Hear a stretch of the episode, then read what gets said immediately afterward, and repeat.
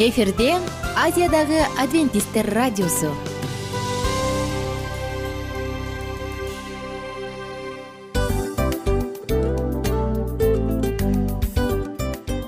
Достор салют. Баардык сүйүктүү угармандарыбызга салам айтабыз. Кутман күнүңүздөр менен. Ден соолук өмүрдүн булагы демекчи саламат саамы программасында баарыңыздарды көргөнүбүзгө абдан кубанычтабыз. Анда алгач амандашып өтөлү арбаңыздар деп. Ден соолугуңуздар кандай элибизде көбүнчө ден соолук кандай дегенде эле жакшы деп жооп беребиз э? ооруп турсак дагы жакшы дейбиз. Анан мен муну айтып ойлойт элем бул абдан сонун сөз депчи анткени бул жакшы деген үмүт да э баары жакшы болот баары сонун.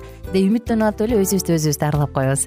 Анысы кандай? Сиздин дагы ден соолугуңуз жакшы беш деген үмүттөбүз чындыгында ден соолук бул өмүрдүн булагы деп бекеринен айтылган эмес деп ойлойм. Кыргыз элинде анткени эгерде ден соолук жок болсо анда адамдын жашоосунда калган баардык керектүү маңыздуу нерселер өзүнүн баалуулугун жоготуп коет. Ошондуктан ден соолук бул эң керектүү нерсе. Ооба туура айтасың кесиптешим. Чынында ден соолугуң жок бир эки үч күн ооруп калсаң эле э кандай болуп калат? Жашоодо көз каранды болуп каласың көп нерсеге жетишпей каласың көп нерсени кыла албай каласың жада калса эшикке дүкөнгө да чыга албай каласың. Туптуура анан ден соолук болсо демек биз биздин бактыбыз тотой деп койсок болот.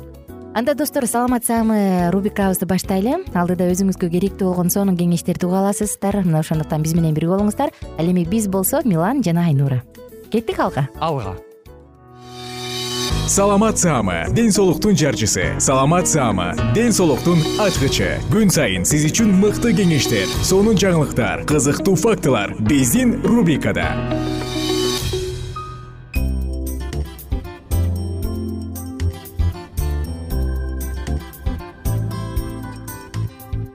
Кутман күнүңүздөр менен достор жалпыңыздар менен амандашып саламдашып кайрадан кызматына өтүп баштаган кызыңар мен айнура миназарова бүгүнкү уктуруубузда дагы сиздер менен эң сонун керектүү темалардын бирини алып чыгып сөз кылмакчыбыз. Бул кол жана колдун моундарына кам көрүү.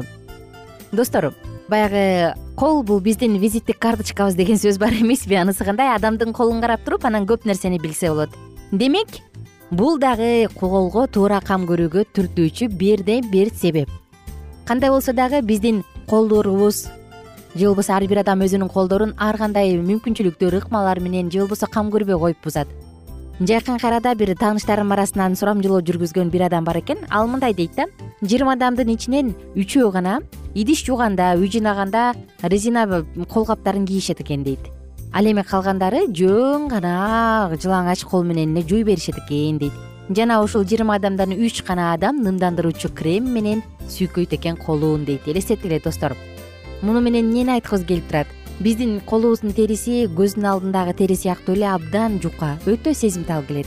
Анда май бездери жана атайы ар кандай бездер ал жакта жок го эсе. Ошондуктан кол өзүн өзү нымдаштыра албайт. Биз аны өзүбүз ар кандай ыкмалардын жардамы менен нымдаштырышыбыз керек. Булардын баардыгы алдыда эгерде сиздин колуңуз жагымдуу болушун сизге көп жылга кызмат кылып беришин кааласаңыз анда биз менен бирге болуңуз биздин организм эң эле көп стресстерге кабылат. Алардын алар анан стресске кандай кылат? Организм кандай реакция кылат? Кимдир бирөө дароо эле кургайт кимдир бирөө болсо теринин шалпайып калганы менен көргөзүп келет кайсы бир органдар. Кайсы бир орган болсо өзүнүн жакшынакай түсүн жоготуп коет. Айтор карап отурсаң ар бир орган өзүнчө бир ага реакция жасап келет. Анан бул көйгөй менен баягы күрөшүш үчүн биз ар кандай косметикалык бет майларга кремдерге тартып келебиз кимдир бирөө болсо дароо эле сулуулук салонун көздөй жөнөйт. Айтор толтура. Эмесе бүгүн сиздер менен бирге эң эле алгачкы туура кам көрүүнү кааласаңыз колуңузга анда балансташылган азыктанууга көңүл буруңуз деп айтмакчыбыз. Анткени денеде дефицит болгон витаминдер минералдардын баардыгы тең колдун кургак болушуна же эрте картайышына оорулуу болушуна алып келет. Ошондон сырткары э, сегиз сааттык уйку эгерде сиз же сегиз сааттан кем уктасаңыз анда териңиз бозомтук тартып анан шалбырап көрүнөт. Ошондой эле достор эгерде сиздин чыканагыңызда манжаларыңызда өтө эле кургактык сезилип турса демек сууну суу балансы организмиңизде жетишсиз. Бул үчүн күнүнө бир жарым литрден кем эмес суу ичкенге аракет кылыңыз. Биздин колдорубуз бетибиз жана башка баардык ачык участкаларыбыз денебиздин ультрафиолет нурларына өтө эле сезимтал келет ошондуктан көчөгө чыгаардан мурун кышпы жайбы кайсы гана учур болбосун бир жыл бою спф коргоочу каражаты бар кремдерди сүйкөнгөнгө аракет кылыңыз. Ошондой эле достор каар дагы жаан кар шамал табигаттын ар кандай көрүнүштөрүнүн баардыгы тең колдун сырткы келбетине түздөн түз таасир берет. Кайсы гана учурда болбоңуз кышындабы кайсы гана жарда болбосун дайыма кол кап кийгенге аракет кылыңыз жана жогоруда айтылгандай коргоочу кремдерди сүйкөңүз жана достор баардык үй жумуштарын резинадан жасалган кол кап кийип алып жасаганга аракет кылыңыз. Анткени биз идиш жууп атканда агрессивдүү химиялык каражаттар бар да. Биз пол жууйбуз алар менен унитаз жууйбуз ванна жууйбуз идиш аяк жууйбуз булардын баардыгы колдун терисине абдан чоң таасир калтырат дагы аны суусуздандырат. Тагыраак айтканда кол кургайт жана колду достор өзгөчө нымдаштырыңыз. Баягы биздин тыл катары катары оокат кылган алакандарыбыз бар эмеспи? Дал ушул алакандарды дагы нымдандырып крем сүйкөгөн маанилүү. Эгерде сиз бир күн бою компьютердин алдында иштей турган болсоңуз компьютердин чычканын мыш деп коет эмеспизби? Чычканын же клавиатура кармай турган болсоңуз анда дал ушул э, кырк муунуңуз менен үстөлдү таянып албаңыз. Бир аз колуңузду көтөрүп анан иштеңиз. Антпесе кырк муун ооруларынын ар кандай түрлөрү бар ошолор келип чыгышы мүмкүн. Дагы айта турган нерсе достор колуңуз жылаңач бойдон. Же болбосо колго эч нерсе кийбестен. Химикаттарга цемент жан жаныбарлардын өлүгүнө жана терини кыжырдантуучу ар кандай каражаттарга кир предметтерге тийбей эле койгонуңуз жакшы. Мындай учурда дайыма сөзсүз түрдө колуңузга коргоочу кол кап кийип алыңыз. Дагы бир э, маанилүү моментти айталы колдорду дагы эс алдырып туруш керек. Кандай гана кыймыл кылбаңыз бир күн бою колдорго дагы убакыт берип эс алдырып туруңуз. Анан жөн гана эс алып отурган учурда эки колду өйдө жакка көтөрүңүз дагы кырк муунуңузду ары бери кыймылдатыңыз. Бул сиздин кан айланышын жакшыртып чыңалууну төмөндөтөт эми достор колуңуздун абалына көңүл буруңузчу канагы өзүңүздүн алды жагыңызга сунуп туруп колуңуз кандай абалда эгерде кол бат баттан тез тезден тердей берсе анда антиперспиранттарды колдонуңуз колтукка биз сүйкөнөт эмеспизби дал ушул сыяктуу. Эгерде дайыма эле тердей берсе анда стресстен качыңыз. Колуңуздан келишинче жаман майлуу азык түлүктөрдөн жебегенге аракет кылыңыз. Эгер такыр эле тердегени басылбаса анда доктурга барганыңыз жакшы. Ошондой эле кургак жана жарылып жарылып кеткен колдун терисинин териси дагы адамды тынчсыздандырбай койбойт. Демек ал ашыкча ашыкча кам көрүүгө өтө эле муктаж болуп турган чагы. Колуңуз кургап жатса кадимки эле сулуу унунан жасалган кадимки эле сулуу уну менен колуңузду сүртүңүз. Жана глицерин бар ар кандай жыттуу лимондун майларыбы же башка майларбы ушундай сыяктуу майлар бар. Булардын баардыгы тең колдо нымдыкты нымдуулукту сактаганга жардам берет. Өтө эле ашыкча кирлерден сактаңыз качыңыз андай нерседен жана достор акырында эмне дейт элек б алты жана башка өндүрүлгөн буудай пивные дрожжи кунжут буба азыктарыбы авокадобу ушул сыяктуу азык түлүктөрдү жегенге аракет кылыңыз. Булардын баардыгы тең сиздин кырк муун оорусуна алып келүүдөн алдын алып турат. Достор кайсы гана учур кандай гана жер болбосун бирок ар бирибиз өзүбүздүн ден соолугубузга кам көрүп жашаганга милдеттүүбүз. Анткени ден соолук бизге бир эле берилет бирок аны улам улам акчага сатып ала албайбыз жана аны улам улам бирөөнөн да сурап ала албайбыз тилекке каршы. Ошондуктан колуңузда бар алтынды барктаңыз өзүңүздүн алтындай болгон колдоруңузга кам көрүңүз. Анткени биз колдорсуз эч нерсе жасай албайбыз. Ошондуктан колдоруңузду сүйүңүз манжаңыздын башынан баштап ийниңизге чейин анын саламаттыгы үчүн күрөшүңүз а мен болсо сиздер менен коштошом жана кийинки уктуруулардан кайрадан амандашканча. Саламат саама ден соолуктун жарчысы. Саламат саама ден соолуктун ачкычы. Күн сайын сиз үчүн мыкты кеңештер сонун жаңылыктар кызыктуу фактылар биздин рубрикада. Салют замандаштар баарыңыздарга ысык салам дил маек программабызга кош келиңиздер. Дил маек рубрикасы дегенде эле бул эмне болгон дил маек? Ким менен маектешебиз деп сурайт болуш керек угармандарыбыз бул рубриканы кыскача тааныштыра кете турган болсок ар тарап кесип ээлеринен болгон сонун интервью кеңештер бар. Ооба. жылдыздар менен болгон маек бар. Аталарыбыздын агаларыбыздын чоң аталарыбыздан сонун кеңештер бар. Ошондой эле эже сиңдилердин кеңештери бар. Айтор баардык кызыктардын баары алдыда. Негизи эле адам баласы бир кимдир бирөөнө ишенип сырын ачкысы келет эмеспи э мындай баарлашууга жакын келебиз го. Албетте негизи бир жерге отуруп алып кенен шашпай баягы жүрөктөн жүрөккө ачып сырларыбызды ар кандай көйгөйлөрүбүз менен бөлүшүп баягы чын жүрөктөн маек курганды кимибиз сүйбөйбүз э? Ооба десең ал нерсеге суусап да келебиз да. Ооба кээ бирде адамга чындыгында баягы э, ысык маек баягы жылуу маек жетишпейт да. Ошондуктан биз ушул рубриканы ойлоп тапканыбызда эң биринчи эле достор сиздер менен чын жүрөктөн бир маңыздуу темаларды козгоп кеткени кааладык. Ошондуктан ушундай сонун бир рубриканы тартуулап жатабыз. Анын үстүнө радио дагы сонун дос да анткени э, мындай учурда досуңа айтсаң досуң досуна айтат досу досуна айтат да анан бүт өлкө билип калышы мүмкүн го а радио болсо сени сатпаган сенин айыбыңды ачпаган сенин сырыңды эч кимге айтпаган сонун дос ошондуктан биздин алдыдагы айта турган кеңештерибизди биздин досторубуздун кеңештерин угуп анан ал жака пикириңизди дагы калтырып кайрадан биз менен байланышсаңыздар болот. Деги эле жашооңузга эгерде кичине болсо дагы өзгөрүү алып моралдык жактан нравовик жактан сонун бир кеңештерди алсаңыз демек биз максатыбызга жеттик. Ооба. Чыңгыз атабыз улуу жазуучу э, чыңгыз айтматов айткандай адам болуу бул күнүмдүк процесс экен. Күн сайын адам бойдон калуу бул адамзатка эң эле кыйын дейт э? э эң кыйын дейт. Чындыгында бунун э, негизинде адамдын эң баягы сапаттуулугу адамдын адамгерчилиги жана көптөгөн керектүү нерселер. Мына ошол темалар дагы бизде э, ушул дил маекте биз аларды да козгойбуз. Э, ден соолук жөнүндө да сүйлөшөбүз. Сөзсүз түрдө анан милан мырза негизи айтып коюшат го. Биз көбүнчө эмнени ойлонсок ошол нерсеге карата иш кылабыз го. Ооба. Анан анысы кандай? Балким бул радио баракчада кимдир бирөөнүн оюн текшергенге жардам берет кимдир бирөөнүн жүрөгүн текшергенге жардам берет.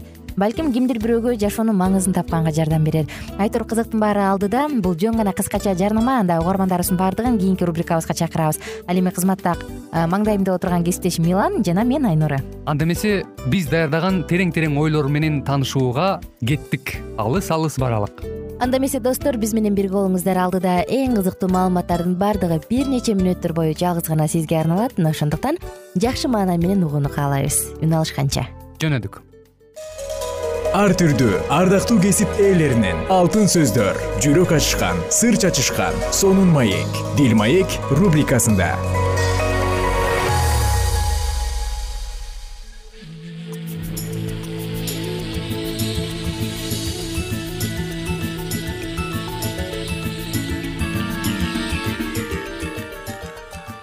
саламатсыңарбы ардактуу радио угуучуларыбыз. Кайрадан эле сиздердин назарыңыздарда бактылуу никенин баалуу эрежелери аттуу программабызды баштайбыз. Бүгүнкү программабыздын чыгарылышында биз сиздер менен эркек менен аялдардын айырмачылыктары туурасында дагы кеп кылмакчыбыз. Андыктан дал ушул мүнөттөрдө биздин ободон алыстабай биз менен биргеликте болуңуздар. Кызматыңыздарда кайрадан эле аты жөнүм мен улан жана ошондой эле кесиптешим. Саламатсыңарбы жана мен асель негизи эле аял менен эркек физиологиялык жактан эле эмес психологиялык жактан да айырмаланат экен. Экөө эки башка ой жүгүртөт. Эки башка кабылдайт дегендей. Бул нерсени тастыктоо үчүн алардын көзгө баса урунган айырмачылыктарын байкап көрөлү.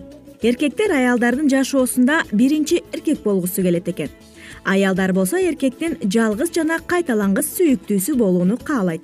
Аялдар бир эле эркектен көп нерсени талап кылат экен ал эми эркектер болсо бир эле нерсени көп аялдан каалашат экен.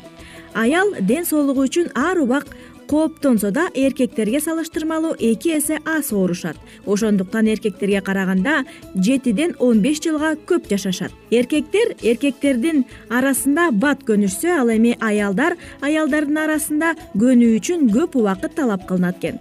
Ушул сыяктуу кайнатасы менен күйөө баласы оңой тил табышса ал эми кайнене менен келиндин мамилесинде сөзсүз маселе болуп чыгат экен чындап эле көптөгөн үй бүлөлөрдүн арасында ушул кайнене менен келиндердин арасында пикирби келишпестик э, нерселер көп эле учурайт эмеспи. Ошондуктан дагы баягы кайнене менен келин э, каймана айтышып жатыптыр деген сөз дагы ушундан калса керек албетте. Андан кийин аялдар бир эле учурда бир нече ишти аткарууга жөндөмдүү келишет экен мисалы тамак жасап телефондо да сүйлөшүп андан кийин баласына да көз салып турганда бир моментте көп нерсени жасай алат экен ал эми эркектер үчүн бир убакта бир эле иш менен алек болуу керек. Экинчиси болсо тоскоолдук кылып калат экен сөзсүз түрдө бул жаатта дагы баягы аял менен эркектин э, мээ жагынан дагы айырмасы абдан эле чоң эмеспи. Ошондуктан аялдын мисалы эки мээси бирдей эле иштеп турса бир абалда. Ал эми эркектики бир нерсе менен ойлонуп аткан болсо ошол сол тарабы же болбосо оң тарабы эле иштейт экен. Бир эле моментте көптөгөн э, жумуштардын баардыгын кылганга жөндөмсүзүрөөк келет экен. Андыктан бул нерседе дагы аял менен эркектин айырмачылыгы абдан чоң экен.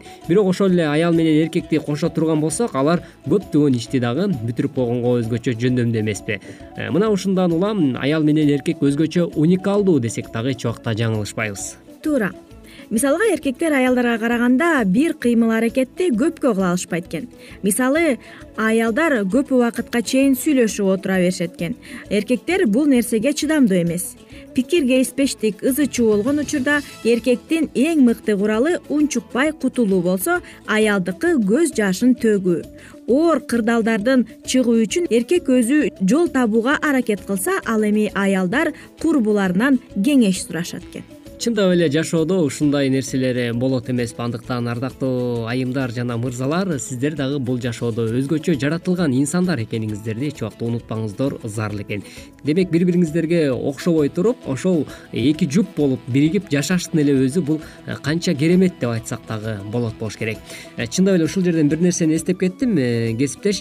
Мисалы эркек киши көп учурда мисалы өзүмдү алып өтсөм деле мисалы мен машина айдап кетип баратып ошол эле учурда мисалы музыка угуп машинадачы анан э, машинанын ичинде мени менен чогуу балким адамдар болуп кала турган болсо бир эле учурда баардыгына жооп берип анан э, жолду дагы карап э, көп нерсеге мындай алакты кылат да. Ушундай нерсеге мен мындай жөндөмдүү эмесмин ал эми аялдар болсо машинанын ичинде машинасын айдап баратып деле жанындагы курбулары менен сүйлөшүп суроолорго жооп берип деле ошол убакытта музыканы деле угуп кете берет экен. Ал эми кимдир бирөө телефонуна коңгуроо кылып калса ага деле жооп бергенге үлгүрөт экен демек бул жактан аял ушунчалык уникалдуу жан экен деп да айтсак болот да.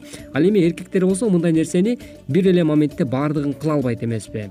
Бирок кээ бир учурда айырмачылыктар да бар. Мисалы кээ бир эркектер дагы бир моментте көп нерсени бүтүрүп койгонго жөндөмдүү десек дагы жаңылбайбыз негизи э, адам баласынын мээси бул уникалдуу келет эмеспи. Андыктан э, бир жолу дагы мен телевизор көрүп отуруп э, бир киши мындай деп атат да мен бир эле учурда сегиз китепти окуп түшүнө алам дептир да мен аябай таң калдым. Демек эркектер деле ушул нерсени кыла алат экен ооба эгерде сиз өзүңүздүн жөндөмүңүздү жана өзүңүздүн э, баягы интеллектуалдык жактан өнүктүрүүңүздү э, курчуткуңуз келсе демек адам баласы көп ийгиликти жаратканга өтө жөндөмдүү экен. Андыктан адам баласынан амал качып кутулбайт деген сөз дагы ушундан улам калса керек деген ой дагы менде э, жаралып жатат.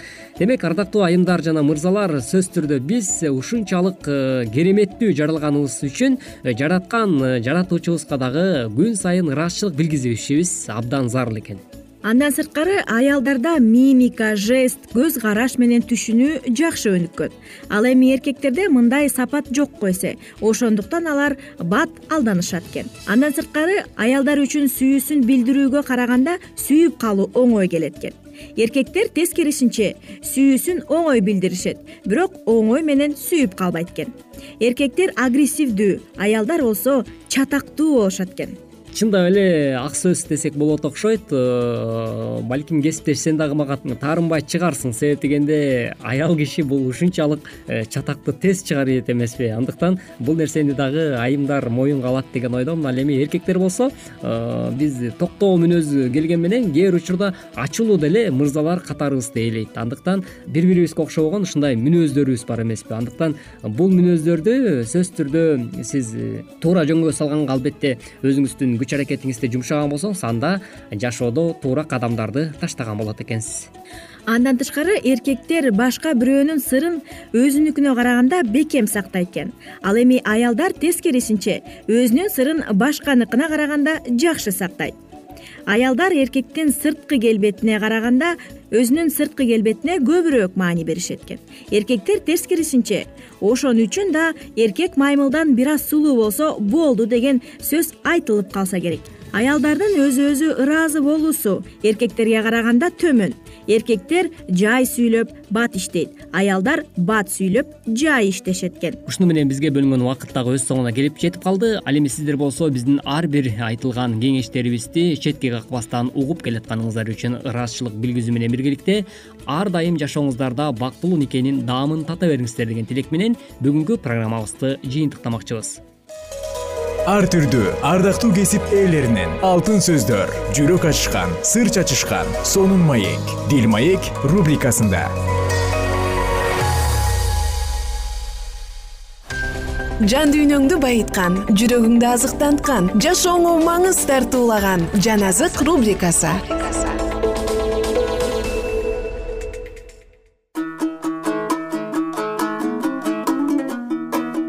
кутмандуу күнүңүздөр менен достор. Жалпыңыздарга ысык салам айтып сиздер менен бирге куткарылуу тарыхы деп аталган сонун китебибизди андан ары улантабыз. Биз менен бирге болуңуздар. Жана жагымдуу маанай.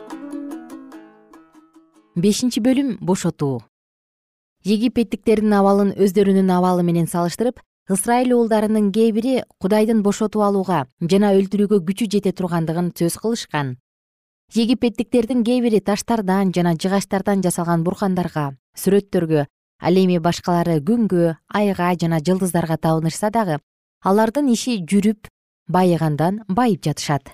Ал эми биздин кудай тирүү жана башка кудайлардан жогору болсо эмнеге бизди буттарга табынышкан адамдардын алдында кулдукта калтырды деген ойлор көпчүлүк ысрайыл уулдарынын жүрөгүндө жашай берди. Убакыт дагы келип жетти. Жана кудай өзүнүн кулдукта эзилген элинин сыйынуусуна жооп берип ысрайыл элинин египеттен бошотуп алып чыккан өз кудуретин египеттиктердин алдында көргөзгөндүктөн египеттиктердин көпчүлүгү өздөрү билгилери келбей жатышкан еврейдин кудайы өздөрүнүн бардык буркандарынын алдында жогору экендигин билип калышкан.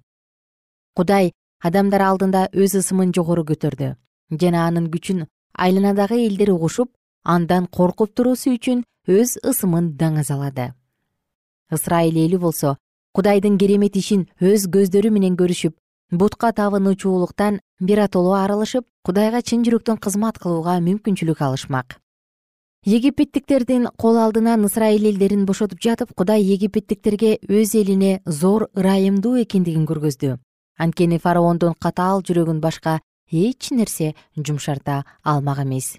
Ошондуктан кудай фараондун үстүнөн өз өкүмүн жүргүздү бул кайгылуу окуядан фараон чыныгы кудайдын күчү башка күчтөрдөн алда канча жогору тураарын билип калды. Анын ысымы бардык жерге таралышы үчүн бардык элдерге теңир өз күчүнүн адилеттигинин зор экендигин билдирген. Кудайдын бул жасаган кереметтери ысрайыл элинин ишенимин бекемдеп алардын муундары кудай өз ырайымы менен улуу керемет жасагандыгын билишип бир гана ага кызмат кылышмак фараон ысрайыл уулдарына өзүңөр кирпич куйганга саман табасыңар деген жарлык кылганда муса пайгамбар фараонго барып сен билгиң келбей турган кудай теңир анын бийлигине баш ийишиңди жана анын бардыгынын эгеси катары кабыл алышыңды каалап жатат деп айтат. Апааттар. Аса таяктын жыланга суунун канга айланышы. Фараондун карайып калган жүрөгүн жылыта алган жок. Тескерисинче анын ысрайыл элине болгон жек көрүүсүн күчөттү көз ачыктардын жасаган кереметтери фараонго кудай аркылуу дагы жасалып жаткан кереметтер көз боечулуктан деген ой салды. Бирок көп сандаган жасалган кереметтер айда эмес экендигин билдирген. Бакаларды каптаткан кереметтерди башка көз боечулар кыла алышкан жок. Кудай аларды көз ирмемде гүлгө айлантып коймок. Бирок фараон мунун бардыгы көз боечулуктан деген ойдон алыс болуш үчүн жасалган бакалардын бардыгы өлүп аларды египеттиктер үймө үймөк кылып жоголтушкан бул өлгөн бакалардын сасык жыттары абаны бузуп жаткандыгын египеттиктердин бардыгы көрүштү. Мына ушундайча фараон жана египеттин бардык тургундары бул көз боечулуктан эмес. Бирок асмандагы кудайдын өкүмү аркылуу келип жаткан жаза экендигин билип калышты.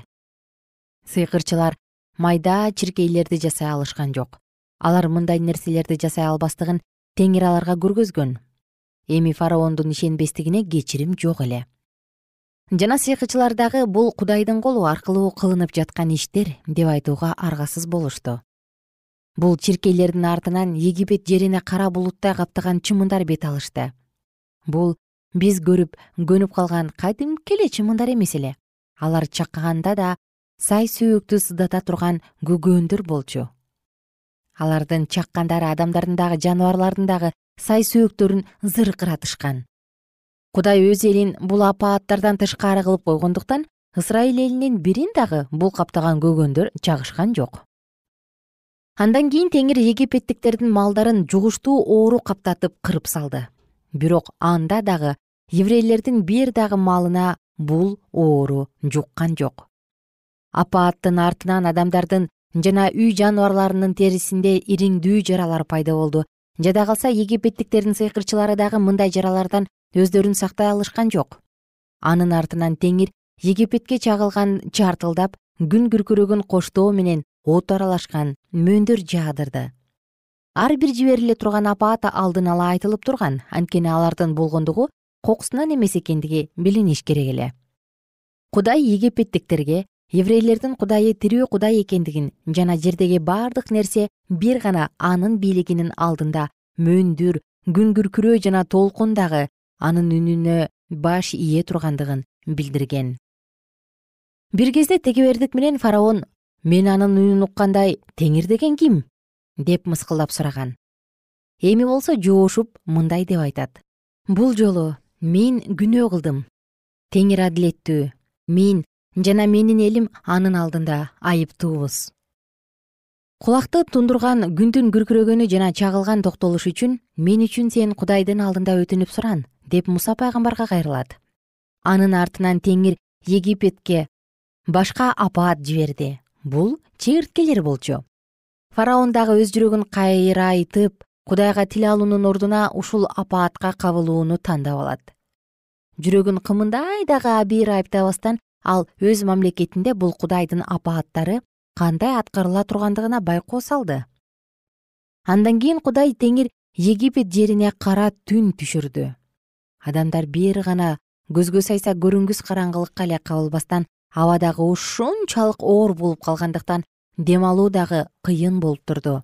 Ал эми еврейлер жашаган жакта болсо аба кадимкисиндей эле таза жарык дагы күндөгүдөй эле тийип турган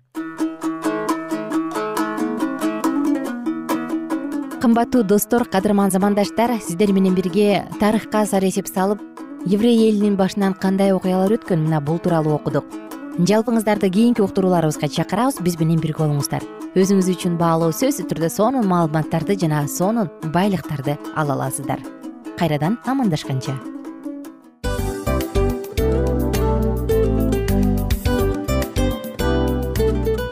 ушул менен достор программабыздын уктуруубуздун эң кайгылуу мөөнөтүнө келип жеттик. Кайгылуу дегенде ыйлагым келип кетти кесиптеш. Кадимкидей анткени баягы учурашасың анан коштошуу учур келгенде ии кантип ии эми бат баттан келиптир э сагындырбай деп атып араң коштошобуз го анысы кандай угармандарыбыз менен коштошчу учур келди. Кийинки уктурууларды сагыныч менен жүрөгүбүздө кусалык менен күтөбүз жалпыңыздарды. Анан жарым сааттык уктуруу көз ачышым канча өтүп кетти. Сөзсүз. Бирок бизде жакшы кабар бар. Кийинки уктурууларыбызда сөзсүз дагы кезигишебиз. Анткени биз көптөгөн сюрприздерди кызыктуу маалыматтарды жана керектүү керектүү нерселердин көпүнчөсүн даярдадык.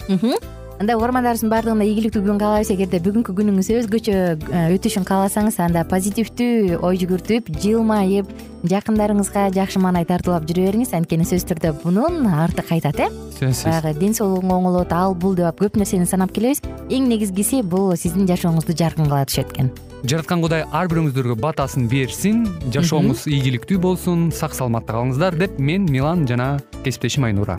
Баардыгыңыздар менен кийинки уктурууда үн алышканча. Баарыңыздарга ийгилик каалайбыз